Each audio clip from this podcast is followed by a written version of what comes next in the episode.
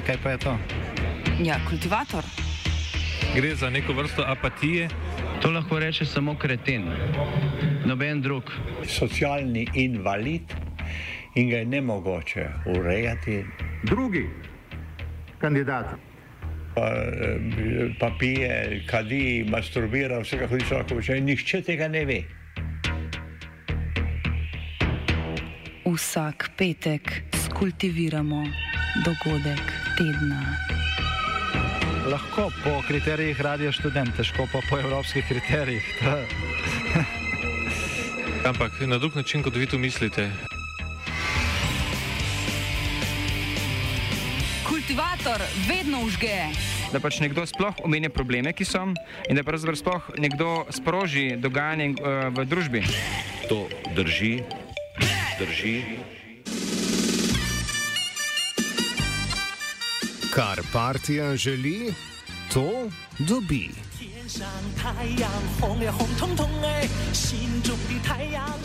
Kaj bi naredili, če bi se znašli na položaju glavnega odločevalca v enopartijski državi z 1,4 milijarde prebivalci in z eno najvišjih gospodarskih rasti v zadnjih 40 letih na svetu? Bi še naprej podpirali visoko gospodarsko rast ali poskusili državo gospodarsko in politično stabilizirati? Mnogi bi izbrali nadaljevanje visoke gospodarske rasti, le zakaj ne? Ta pomeni večji pritok kapitala, boljšo konkurenčnost na globalnih trgih in lastno zadovoljstvo, ko vaša država postane močnejša od izrojenih ameriških liberalcev in zauzame tisto vabljivo prvo mesto na lestvici svetovnih gospodarskih velesil. Ta država je seveda Kitajska, trenutno druga najmočnejša svetovna gospodarska sila. Vodilni stroj Kitajske komunistične partije z njenim predsednikom Xi Jinpingom na čelu visoka gospodarska rast ni prioriteta. Partija namreč nalaga vse ostrejše regulacijske ukrepe proti predvsem velikim kitajskim tehnološkim podjetjem, ki so v zahodnih medijih znana kot Tech Crackdown.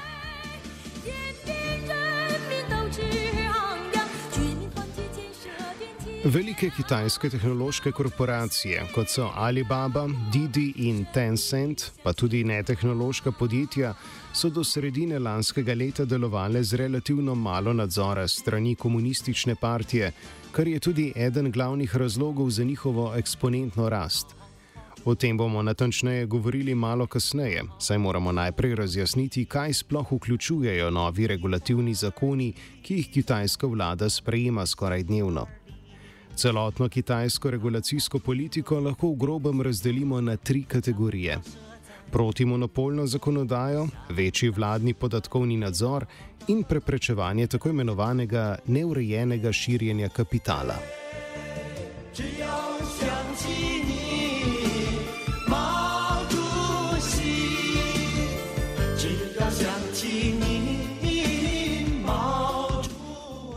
Gremo po vrsti. Protimonopolno zakonodajo je kitajska vlada začela razvijati že leta 2008, vendar je v središču pozornosti šele od lanskega novembra, potem ko je zdaj že nekdani izvršni predsednik Alibabe Jack Ma javno kritiziral kitajsko regulacijsko politiko in njene banke. Podrobneje pojasni Kai von Karnap, analitik na Merkatorjevem inštitutu za kitajske študije, krajše Merix v Berlinu. Um, so the antitrust crackdown is difficult to really pinpoint down to one specific event uh, that launched everything. Um, there was a build-up over the last few years um, from the regulatory and the legal side. So new institu- institutions were, were built, like the Chinese uh, Cyber Administration, another market regulatory body, um, and a few others. And new laws were brought out: cybersecurity law and antitrust and anti-monopoly law were, were established. Um, but that sort of happened without much effect. And then, you know, maybe what tipped uh, the scales, and if you would want to have one event that sort of launched everything, that was um, the attempted uh, IPO of uh, Ant Financial. Um, that was October last year. Um, that was preceded by uh, Jack Ma, the founder, you know, of the mother company, basically, um, uh, uh, claiming in public, in front of you know financial elites of Chinese uh, leadership, that the Chinese banking system was was not only um, you know fraudulent or or um, somewhat porous, but actually non-existent. So uh, him having these really bold words uh, just in front of the IPO uh, basically drew the attention of Beijing central leadership, and then a whole cascade started. First with Alibaba being heavily regulated and you know publicly uh, denounced, uh, or you know at least uh, publicly made aware of this by, by Chinese media. Peking želi s protimonopolno zakonodajo preprečiti monopol enega podjetja na določenem trgu in s tem seveda ohraniti vodilni položaj komunistične partije. Kitajska protimonopolne zakone razume drugače, kot so ti trenutno razumljeni v zahodnih državah in se pri njihovi implementaciji ne ozira zgolj na posledice monopola za potrošnike, ampak jo skrbi tudi moč, ki jo ima podjetje v interakciji z drugimi ekonomskimi igravci. Nadaljujem von Karnap. the main attempt of Beijing policymakers right now and the new bodies that I mentioned that I just formed the last few years, these new regulatory bodies, is to reduce uh, the platform um, monopolistic power of, of, of these big tech giants, including Alibaba, Tencent, uh, Baidu, and so on. Um, so what they are ask, uh, asked is to um, basically reduce entry barriers for competing merchants um, to also offer cross-platform services. So so far, you sometimes would work on one of the platforms called, for example, WeChat, a very very famous and popular uh, social media app in China, but you couldn't access any services of a competitor like Alibaba, um, and uh, sort of these you know cross uh, platform services are, are, ought to be integrated now. Um, so in general uh, it's it's platforms uh, and their and their sort of monopolistic behavior um, that we might know from amazon you know similar problems or apple and their app store. Um, and these kind of uh, antitrust issues are being addressed um, within that bucket of, of regulatory efforts right now Močna protimonopolna zakonodaja je uporabno orodje pri zagotavljanju notranje politične stabilnosti in uveljavljanju kitajske komunistične partije kot najmočnejšega političnega in gospodarskega akterja v državi. Na drugi strani pa imajo ti zakoni stranski učinek povečanje regulativne negotovosti kitajskih podjetij, kar pomeni, da bodo mnogi investitorji pozornost preusmerili na druge trge, ki obljubljajo večje zaslužke in manj komplikacij zaradi regulacijskih zakonov. Možne posledice protimonopolnih zakonov za kitajska podjetja pojasni sogovornik. It's difficult to really say what is the main uh, impact for foreign uh, investors, for example, but also foreign users. Um, I think the predominant uh, overall impact it already has is uh, increased regulatory uncertainty. And if you ask, you know, anyone from from from investment uh, from the investment world uh, uh, that you know that focuses on on risk, may, you know, mostly doing investments is calculating risks. Um, regulatory and governmental uncertainty is a very un uh, you know unfavorable source or un, unwanted. Um, um, uh, add factor in an equation. So um, just by increasing um, these sometimes not really easily to foresee regulations, lots of investors will look for other markets. Um, and by some measures, you could already say that the valuation of Alibaba, of Tencent, and so on is fairly low um, if you compare it to um, what they would have been uh, uh, uh valued at in the US. So if you would imagine Tencent being uh, based in the US, the valuation would be um, a much, much higher. Uh, but just the fact that there is so much regulatory uncertainty, Chinese companies tend to be much less valued, and that will just increase. Um, and another aspect, maybe to mention here, is that obviously Chinese apps um, and Chinese services and products have entered global markets increasingly, um, and we all here see that uh, uh, yeah, foreign users have increased issues, problems to access Chinese hosted services, or face problems that they're not used to in their in their respective home markets. So you would see that on TikTok, for example there's increased attempt to um, censor certain topics um, around uh, Xinjiang Uyghurs, around cryptocurrency, around freedom of speech. So users of TikTok platform, which is a Chinese app at its core, um, now face Chinese regulatory um, uh, demands, and that will be true for other Chinese products abroad as well, and that will make it difficult, um, yeah, to to interact with these apps, uh, you know, as comfortable as it was before. Druga kategorija kitajskih regulacijskih svežnjev je povečevanje podatkovne varnosti. Kot razloži Von Karnap, Kitajska ob razvoju svetovnega spleta do leta 2014 ni imela nikakršne zakonodaje, ki bi urejala podatkovno varnost. Um, historically, in fact, um, over you know the 2000s, part of the 90s, and, and the 2010 years, the, so you know the time when the internet really developed in China, so much later than in the West, um, there was literally no data regulation in place at all, um, and uh, that might that might be one of the you know uh, ingredients in the recipe for success for these big tech, com- tech companies, uh, Alibaba and Tencent, that that were thriving off a very deregulated data market market space. Um, however, that has changed in the last few years, and I think now you can say that China is getting more and more, you know, known as a data secure place. Um, that started with mostly the cybersecurity law in 2017. You know, one comprehensive law to kickstart uh, regulating the digital economy for the first time, which was not the case before. And now we see other laws being rolled out. Just yesterday, uh, on September the 1st, um, we had uh, the uh, so called um, uh, uh, DSL, data security law, um, kicking in.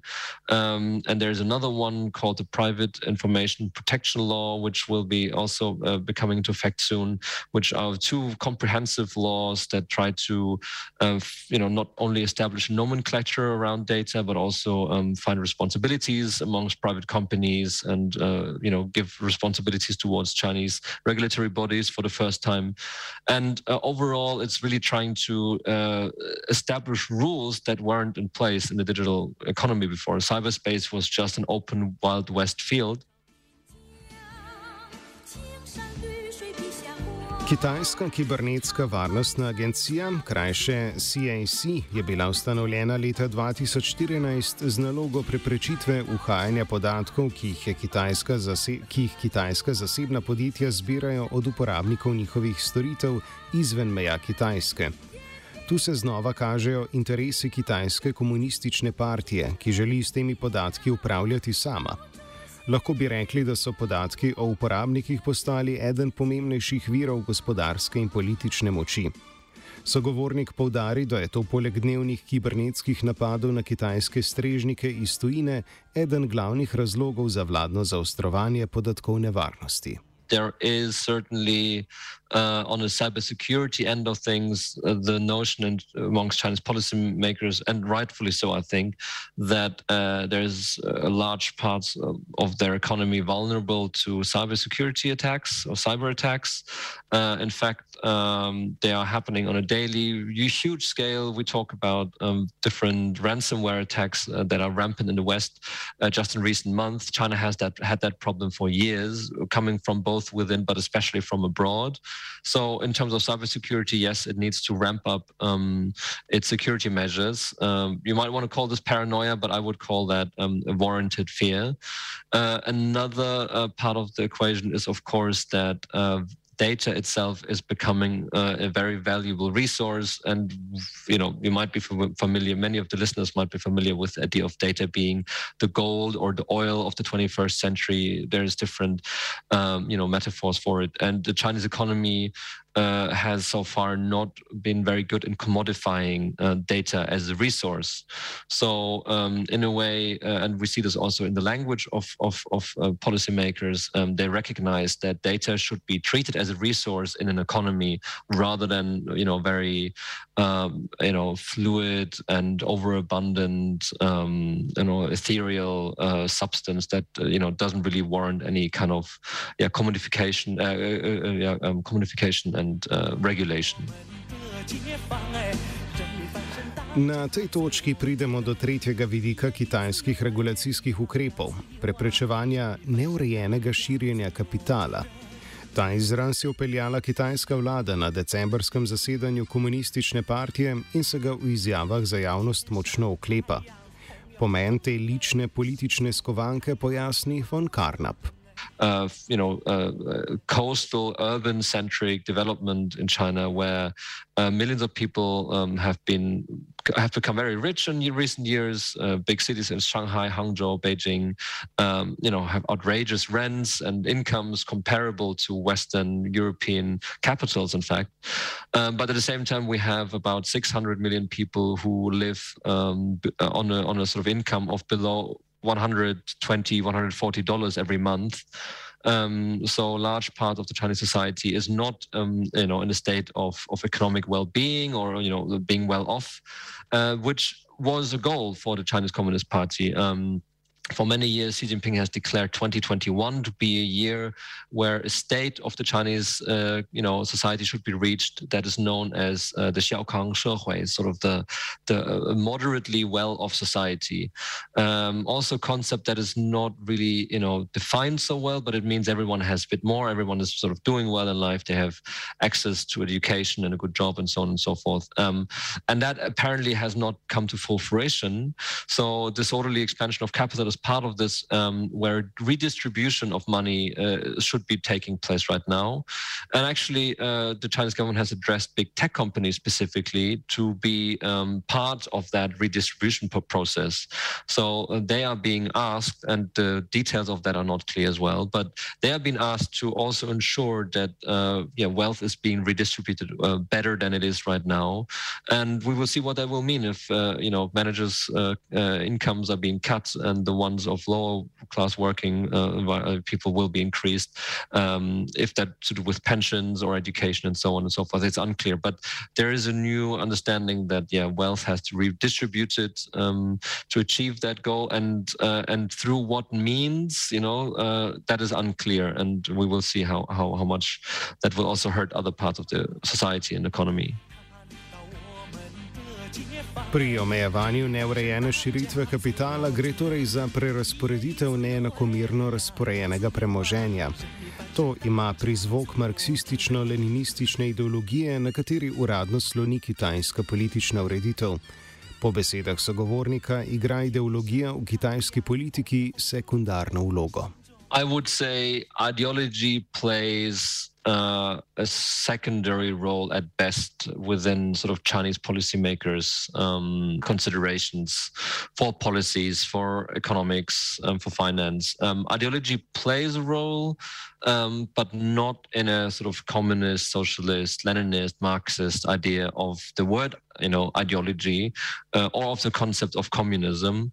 Um, there is no world revolution that China is sort of trying to pursue, um, and much of the, you know, the, the visions of of the of the ideological core that they base their their entire legitimacy on uh, are pretty much non-existent. So, if we talk about ideology today, um, it's much more about trying to maintain a cohesive uh, and convincing um, narrative to maintain the CCP's power. Glede na kitajsko politiko v zadnjih štirih desetletjih so trenutni regulacijski ukrepi precejšnje presenečenje. Salvatore Babones, ameriški sociolog in izredni profesor na Univerzi v Sydneyju, pove, da kitajska vlada v svojem odnosu do velikih podjetij pred letom 2020 ni dajala posebnih znakov, ki bi napovedovali velike regulacijske ukrepe proti njim. Before the current crackdown, China was very supportive of its technology companies, providing extra financial facilities, special state directed investments. Many of the firms that have recently seen state interventions, uh, well, until last year were uh, strategic firms identified by the government as part of its uh, strategic initiatives going forward. So it is a bit mysterious that out of nowhere, the Chinese government, and really when we say the Chinese government, we mean the Chinese Communist Party, has decided to take on these institutions. But I think it's important to remember they're not only taking on the technology companies, there are a whole range of bases of power in Chinese society that have come under fire from the Chinese government over the last few months. Kot povdari sogovornik, v regulacijskem svežnju niso zajeta le tehnološka podjetja. Vlada se je spravila tudi na igralniška podjetja in skoraj v celoti omejila do zdaj nereguliran, skoraj 85 milijard evrov vreden trg zasebnega tutorstva za kitajsko mladino, ki želi uspešno opraviti zelo pomembne in težke zaključne izpite. Kitajska vlada želi z omejitvijo tutorstva zmanjšati pritisk na mlade, katerih karijera je odvisna od rezultatov zaključnih izpitov. Babones navede še ostale netehnološke sektorje pod novo regulacijsko zakonodajo. But there's been a society wide crackdown that's not just on technology companies. Uh, there's been a crackdown on celebrities in China. So a lot of celebrities have been silenced or disappeared. There's been a nationwide destruction, I mean, an entire root and branch destruction of the tutoring industry, which just overnight tutoring, which was a, a private tutoring, which was a just an ordinary part of life for most middle class Chinese children, is suddenly illegal. On top of that, there has been an intervention in foreign university campuses in China. Again, if we go back five years, China was begging foreign universities to open up campuses in China. Now, China is placing extreme restrictions on them, and it's likely that over the next few years, we may see some of the existing foreign campuses closed. They've certainly had a lot more restrictions put on their behavior. So this isn't just the tech companies. We we focus on the tech companies, I think, only because that's the place where foreign investors are most likely to be caught in the trap. But there seems to be a society wide effort on the part of the Chinese Communist Party to, well, to reshape Chinese society. Kitajska regulacijska politika partij povečuje možnost popolnega nadzora nad gospodarstvom, a znižuje konkurenčnost kitajskih podjetij. Babones na primeru podjetja Didi, ki ponuja platforme za izposojo vozil, obrazloži ceno želje po popolnem nadzoru. China instead seems to have said that, well, the country is developed enough for the purposes of the Chinese Communist Party. The important thing now is making sure that it remains under control. Um, all of these headline crackdowns, the, the, thing they have in common is they're all about control. Uh, take Didi, for example. After placing these restrictions on Didi data restrictions, China, the Chinese government insisted that Didi unionize its workforce. Now, of course, unionize does not mean what it means in the West. It doesn't mean an actual democratic employee union. It means that all Didi workers are now going to be enrolled in a Communist Party affiliated union to be controlled by the Communist Party. Well, here we had a company that was employing several million independent contractors in a very loosely controlled way, or in a way controlled only by Didi. Well, now these workers will themselves be man- controlled and managed, and the terms of their employment set by a Communist Party entity. It's not going to change the fact that you can still hail a Didi on the street in China. Uh, what's going to change is who controls that working environment. From now on, it's going to be a party controlled environment, not a corporate controlled environment. And I suspect a lot of these changes are about asserting control more than anything else. The problem is with asserting with control comes a price, and that price is reduced productivity for the future. Po Babonusovih besedah ustavitev liberalizacije gospodarstva in stopnjevanje notranjega nadzora z regulacijsko zakonodajo pomeni težji preboj na mednarodnem tržišču in s tem nazadovanje gospodarske rasti. Na vprašanje, ali je Kitajska s preusmirjanjem gospodarske politike v nižjo gospodarsko rast Združenim državam Amerike napravila uslugo, Kaj von Karnap iz Berlinskega inštituta za kitajske študije odgovarja, da visoka gospodarska rast ni več v interesu kitajskih voditeljev. You could argue that uh, it's a favorable position that US is in, uh, you know, with uh, with the development of further yeah tech regulation in China. But I think it's important to keep in mind that uh, the predominant um, motivation of regulation is right now to maintain political stability for the Chinese Communist Party within China. So that's the overall um, priority. Um, and I think it's important to keep in mind that over the last few decades, pretty much since the 1980s, when something like uh, called the reform and opening period started, uh, what happened in China was mostly deregulation um, and partial liberalization of markets. Um, and we have, uh, you know, economic growth as the predominant um, um, motive to to do industrial policy and to do uh, you know social policy altogether. So economic growth was the predominant uh, goal, and under Xi Jinping we see that uh, that has changed towards political stability. Um, so you could argue that that is out of paranoia, as you mentioned. You could argue uh, that actually, um, you know, Chinese policymakers never really had the ambition to fully liberalize the economy and always wanted to go back to a more socialist uh, style of governing, whatever that entails. But uh, whatever the interpretation, um, if you put political stability as your priority, of course you will retreat to some extent from, um, you know, global capitalism in, uh, you know, some form or another.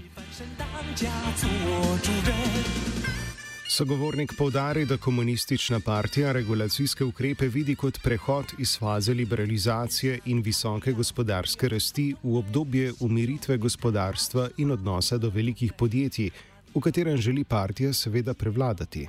Xi Jinping is trying very much to um, establish China on a sort of second phase of socialism right now.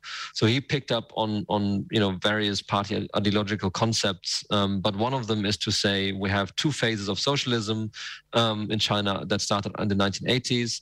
The one, the first phase was reform and opening, so partial market liberalization, price liberalization, deregulation in many fields, especially uh, in tech, you know, and uh, anything related to tech um, and that was necessary to to become wealthy and rich.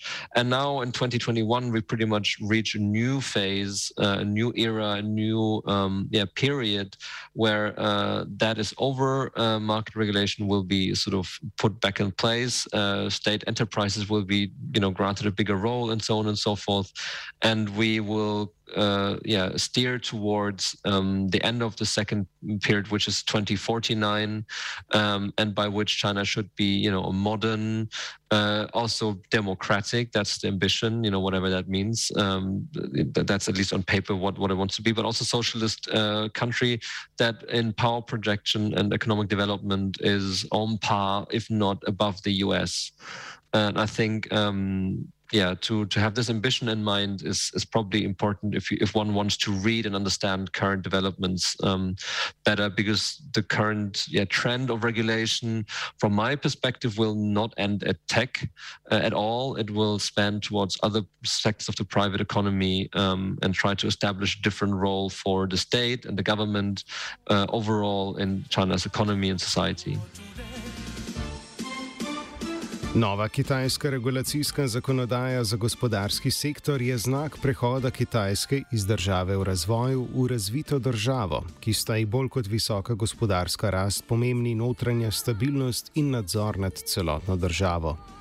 Kitajska komunistična partija vidi velik potencial v širitvi svoje gospodarske proizvodnje in posledično svojega vpliva na druge celine. Z vidika partijskih voditeljev, še posebej Xi Jinpinga, je to možno le s trdnejšim nadzorom nad celotno državo, vključno z velikimi multinacionalnimi korporacijami. Prav tako pa želi partija z novimi regulacijami povdariti, da se morajo tudi multimiliarderji, kot je Jack Ma, podrediti njeni oblasti.